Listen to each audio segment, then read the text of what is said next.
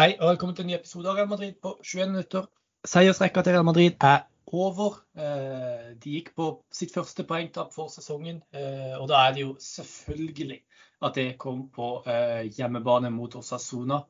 Det betyr at Real Madrid for første gang på en god stund da ikke topper La Liga-tabellen etter denne runden, og selv om de da ligger A-poeng med Barcelona. Med meg til å prate om matchen har jeg Martin. Hei. Hola! Det måtte jo komme på et eller annet tidspunkt, dette her, måtte det ikke? Jo, det måtte det. Eh, man kan si Inntil tre vokser i himmelen, er ikke det man sier. Og det gjorde ikke det treet her heller. Men eh, det var jo en kjip måte å ta poeng på når man først eh, skulle ryke. Det må jeg si. Mm. Og så er det noe med det at hvis eh, Real Madrid faktisk hadde vunnet denne kampen, slått Shakhtar og så slått Retafe i helga, eh, så hadde de faktisk hatt sin beste ligastart noensinne.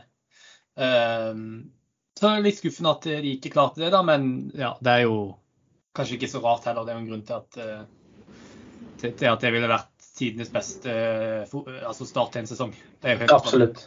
Eh, Absolutt. Og bare det at han har gått så mange kamper som han har gått nå uten å avgi et poeng i, det hele tatt, er jo vanvittig, vanvittig imponerende. Mm. Eh, Osasona er jo et lag Real Madrid har slitt mot før. Det spilte de ikke 0-0 på Santiago Bernabeu i fjor også? Eller? Stemmer, stemmer. Ja, men det skal sies da at et, da man spilte 0-0 i fjor, så var det første gang på 17 år at ikke Osasona tapte mot Real Madrid. Så husker ikke jeg om det da var på Santiago Bernabeu eller totalt, men uh, ja, det har vært et sånn kjipt lag. og Jeg tror vi tenker på det veldig i forbindelse med at i 2021-sesongen så hadde jo Real Madrid en sånn skikkelig seig hjemmekamp mot Osasona der er der Militao vel eh, stanga inn en skåring helt på overtid. Så ja, det har vært noen eh, kjipe kamper mot de nå i nyere tid. Ja. Det, man skal, samtidig er det viktig å, å anerkjenne at eh, Osasuna er faktisk blitt et av de stabilt eh, et sånt stabilt topp ti-lag i La Liga. og Nå ligger de faktisk på sjetteplass. Det det er ikke et bunnlag Real Madrid eh, avgir poeng mot. og Osasuna kan å forsvare seg. Eh, og det, det, gjorde de absolutt i denne kampen, og de fortjener på en måte all ære for, for det. Absolutt.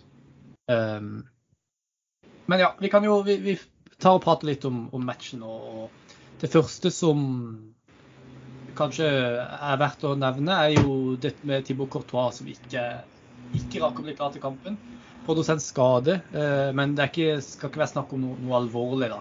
Eh, så da var det André Lunin i mål. Hva tenkte du om det? Altså, man blir jo alltid litt sånn stressa når man hører skade på Thibaut Courtois. Jo, man blir det. Eh, og så leste jeg meg litt opp på hva det var for noe. Og det var heller ikke så veldig overraskende at han skulle stå over en kamp. fordi eh, Ancelotti har jo egentlig sluppet sånne smådrypp i løpet av eh, sesongen nå på at Courtois har eh, Ja, han sliter med sånn småtteri. Det var vel nå for noen, mm. kanskje en liten måned siden så var det noe problem med et kne. Men det var liksom, det var vondt, men det var ikke vondt nok til å stå over en kamp.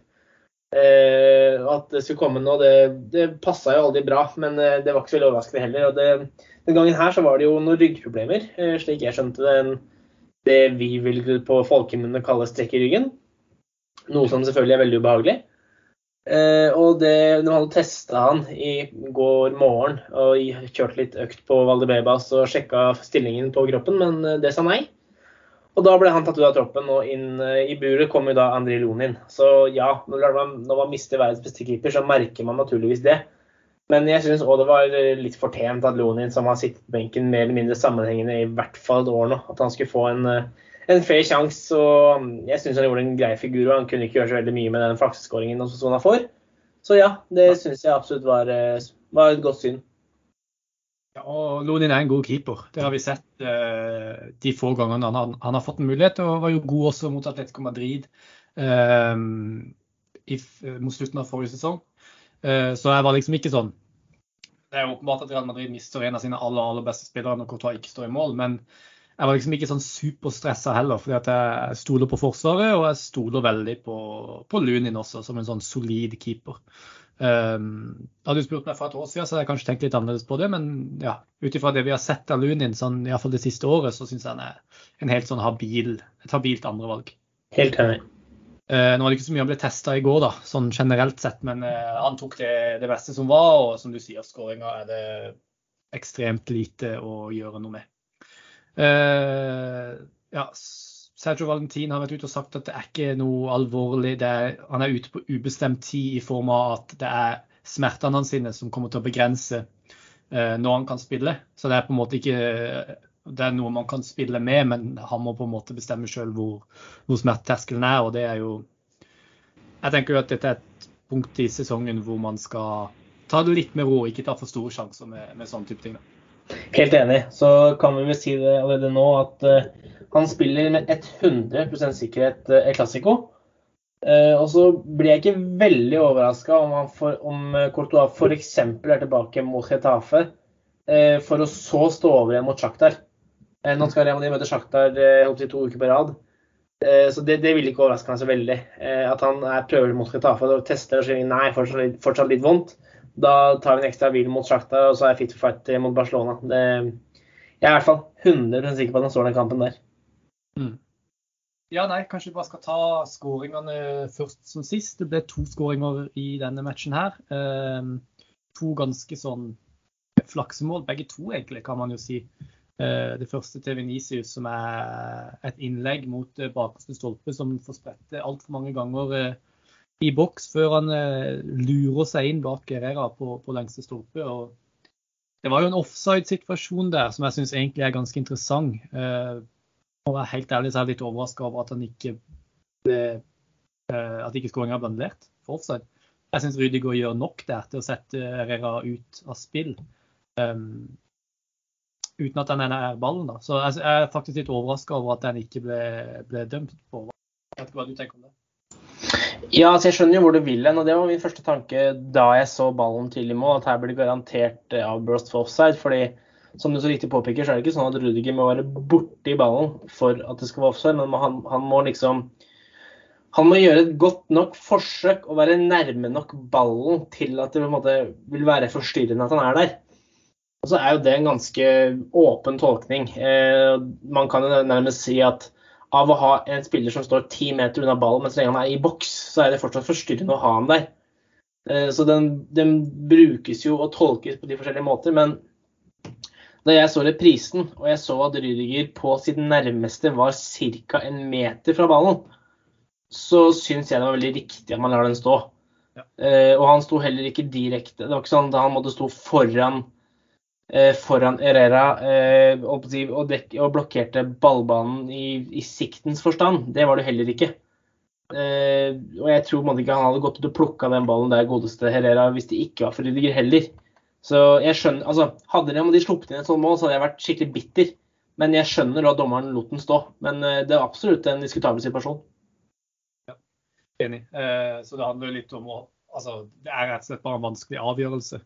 Eh, for dommer. og Jeg tror egentlig han kunne gått, eh, gått begge veier. Eh, mm. og jeg tror hvis han hadde blitt blåst, altså hvis han hadde blitt vinka for først Det ble han jo egentlig ikke i utgangspunktet. Uh, altså, Den første avgjørelsen er den som hadde stått på Uh, Absolutt. så ja. Uh, Venicius skårer nok et mål. Blir fem La Liga-skåringer nå. Eh, fortsetter sin, sin, strålende form. og Det er jo alltid gøy å se Venicius spille. og hans beste for Real Madrid i går, eller? Ja, eh, nå syns jo egentlig jeg at ingen var sånn kjempegod i går. Men da må man se liksom på hvem er det som er minst bleke, og der stikker jo Venicius naturligvis seg fram. Syns også Sona tidvis passa veldig veldig godt på han og hadde en god plan for å ja, holde han unna holdt si, egen målgård. Men uh, han har en evne til å komme seg litt unna uansett, da. Så nei, jeg syns han gjorde en, en, ny god kamp i går. og det er som en så fint ble påpekt på tittelen i kampen. altså Nå skårer jo til, til og med Venezia Junior når han ikke vil. Og det er, da begynner ting å bli bra. Det er spillere som er i flytsonen iallfall. Absolutt. Ja, nei, så kan vi jo ta eh, Vi kan jo ta eh, Osasuna sin skåring også med en gang, fordi jeg syns egentlig det er en veldig flott, fantastisk flott skåring. Jeg er veldig usikker på om ikke Garcia prøvde på det han, han endte opp med å gjøre, men det er jo et innlegg fra, fra høyresida. Der må jeg bare si det presset der, fra, det er vel spesielt Tony Cross og Venicius, det er så vanvittig passivt at det er nesten utilgivelig. Uh, han får, han, det er vel høyrebekken til Nei, det er høyre stopper uh, til Osasona. Uh, Garcia som får stå helt upressa på 25-30 meter og bare kan prikke et innlegg inn i boks. Det er rett og slett helt utilgivelig å ikke være tettere oppi der. Uh, og så er det jo bare ja, Det Kiki Garcia gjør der, det er så utrolig eh, imponerende. Og ja, det er ingenting Luni kan gjøre med den. Og hvis jeg hører om noen som skylder på Luni for den der, så kan de krangle med meg. ja, jeg, jeg, er helt enig med deg. Altså, den er utagbar. Så skal jeg være djevelens advokat, så ville jo han Hva skal jeg si for noe? Keeper ville sett mindre eh, overrasket ut hvis han var to meter høy, som Courtois er. Men eh, jeg tror altså, den hadde gått inn med Courtois også. Eh, ikke, ikke betvil det. Og jeg er helt enig i at skåringen er estetisk fin, men det er jo en grunn til at den skåringen får 0,02 i XG. Og han, han header jo ballen i den grad du kan heade en ball som går i bue i krysset. Han gjør jo det med ryggen til mål. Det skal nesten ikke være mulig. Men eh, det er jo en tanke bak det, som åpenbart er å, å få det til. Men eh, poenget er at eh, sannsynligheten for at den tanken skal utføres, er egentlig så liten. Så ja. Men for all del, det er en veldig pen scoring. Men det er en veldig sånn kjip scoring å slippe inn. Ja. Føler, jeg føler at man sitter igjen med en følelse sånn OK, dette var uflaks, rett og slett. Ja. Eh, og ja, Real Madrid hadde massevis av sjanser til å avgjøre denne kampen eh, seinere. Eh, og noe av grunnen til at de kanskje ikke gjør det, er vel at eh, vi er nødt til å prate om, om Benzema sin, sin, form. For den er ikke på topp om dagen. Det, det, handler ikke bare om at den er tilbake fra skade, eh, men det handler også om at egentlig hele denne sesongen så har vi ikke sett den formen vi er vant til å se fra, fra Benzema. Da dukker jo spørsmålene opp. ikke sant? Eh, Benzema blir eldre og eldre for hvert år som går. Han var verdens beste spiller i fjor, det er det ingen tvil om. Men spørsmålet mitt er på en måte er du bekymra for at dette her er Karim Start, Karim Benzema sin, sin decline, om du vil? Um, eller er det bare litt sånn dårlig form nå i, i sesongstarten? Han må bare skyte seg litt inn? Altså Svaret mitt er egentlig både ja og ja. Altså Er jeg bekymret for at det skal være decline til Karim Benzema? Ja, jeg er for så vidt det. Men jeg har mye med troa på at det her er eh, en døgnflue av en liten formsvikt. Og at uh, gi han litt tid nå, så er det null problem. Uh, det, være, det, er, det, er, det jeg tror. Men uh, vi har vært inne på det egentlig siden første seriekamp. at Han ser liksom ikke, han ser ikke så skarp ut. det ser liksom ut som han kontinuerlig spiller på 97% istedenfor 100 og, og, det blir liksom ikke godt nok. Men uh, vi satser på at det er en formdupp, og at han er tilbake om relativt kort tid. Det ville vært veldig typisk Benzema å få litt kritikk, og så svarer han i Classico med to skåringer og seier, og så er vi liksom helt tilbake på kjøret igjen. Ja, absolutt.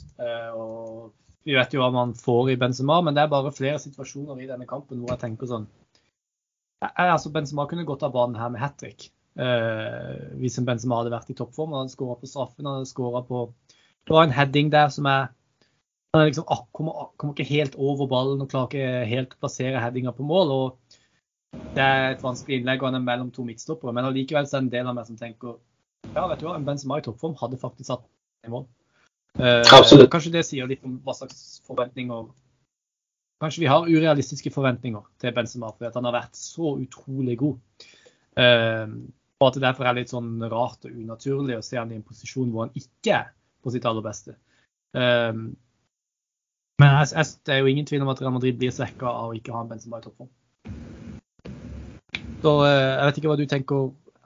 Hva, hva er løsninga her? Skal man liksom bare la han, la han få skyte, eh, og så kommer formen etter hvert? Eller burde man vurdere f.eks.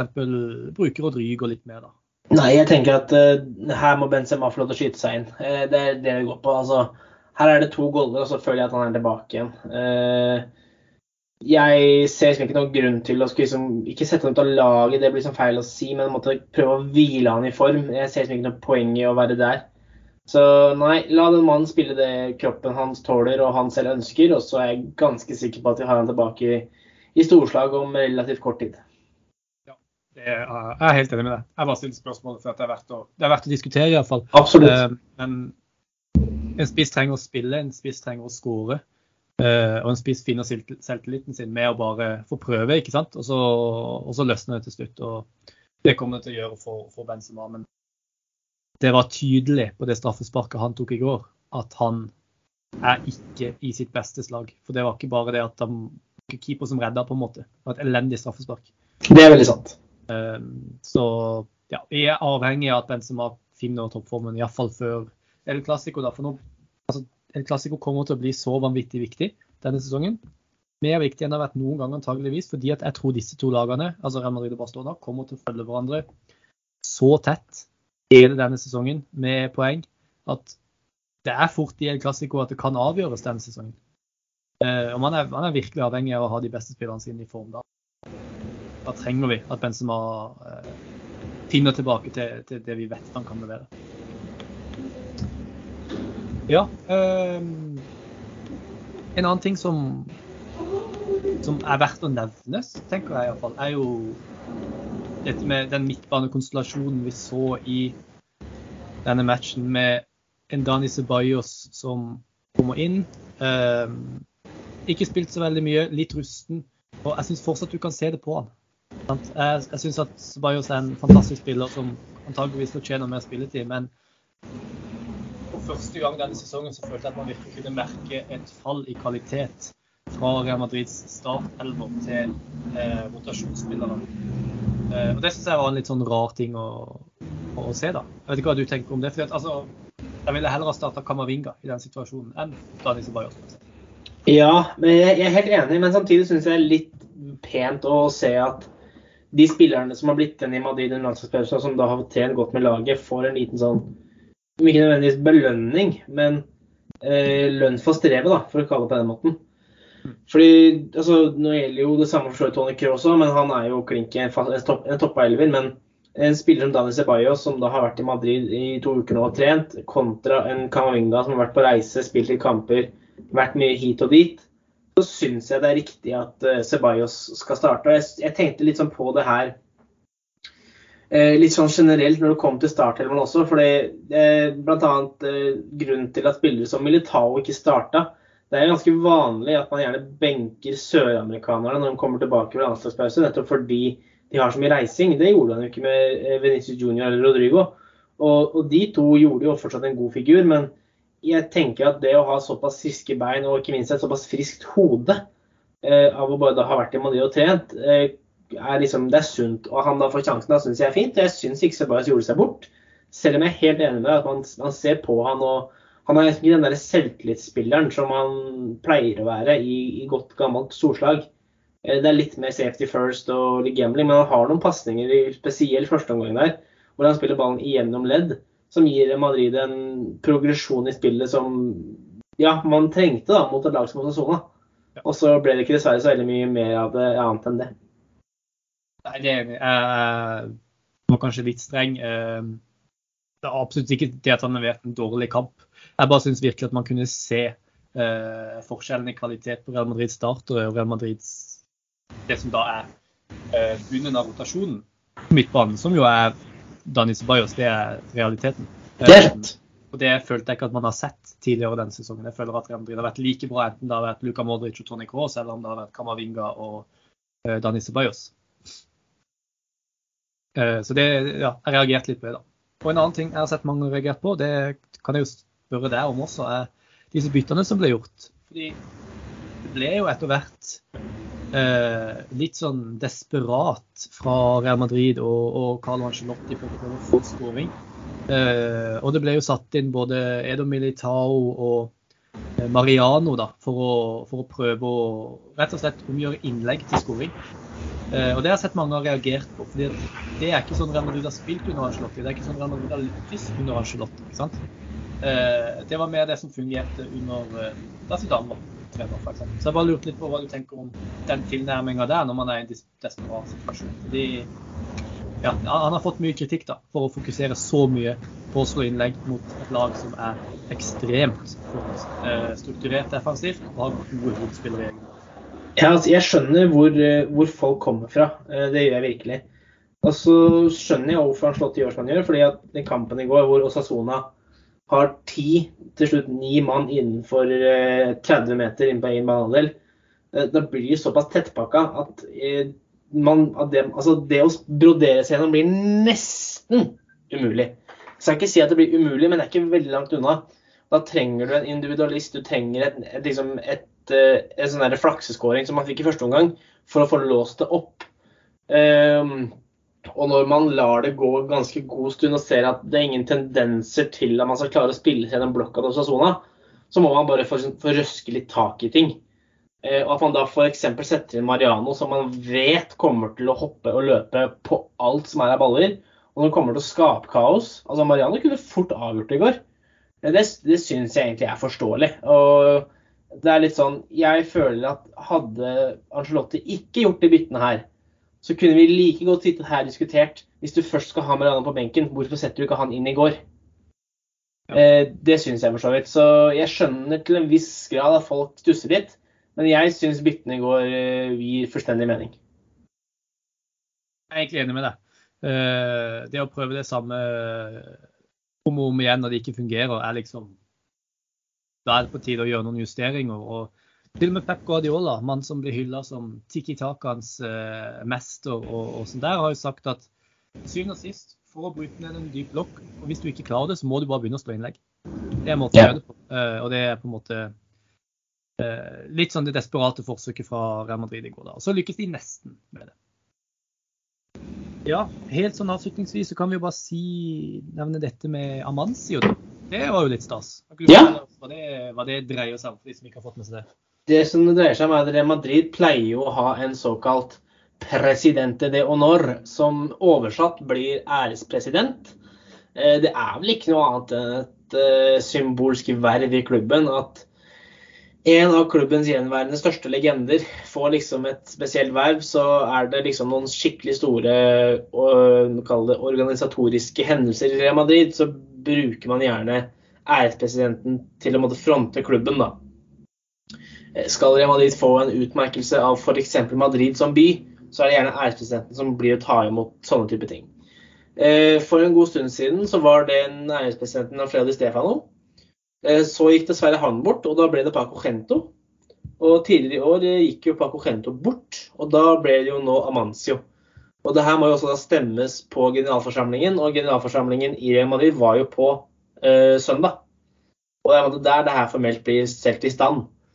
Og Da ble Amancio stelt inn som ærespresident. Som sagt, Han har ikke så kjempemye makt, men det er en veldig fortjent og verdig symbolsk utmerkelse. Yes, definitivt. Så Det var jo, var jo gøy å se. da. og Fede Valverde også, som uh, mottok prisen for uh, månedens spiller i La Liga for september, før kamp. Vi fikk ikke sett så mye av han i går, men uh, vel, vel fortjent den utmerkelsen der for han. Det var egentlig det vi hadde tid til i dag. Neste match blir jo da mot Sjakta på onsdag i Champions League. Det blir stas. Alltid gøy med, med Champions League. Eh, takk for at du var med i dag, Martin. Bare hyggelig. Takk til alle dere som hørte på, og til neste gang. Ada Madrid.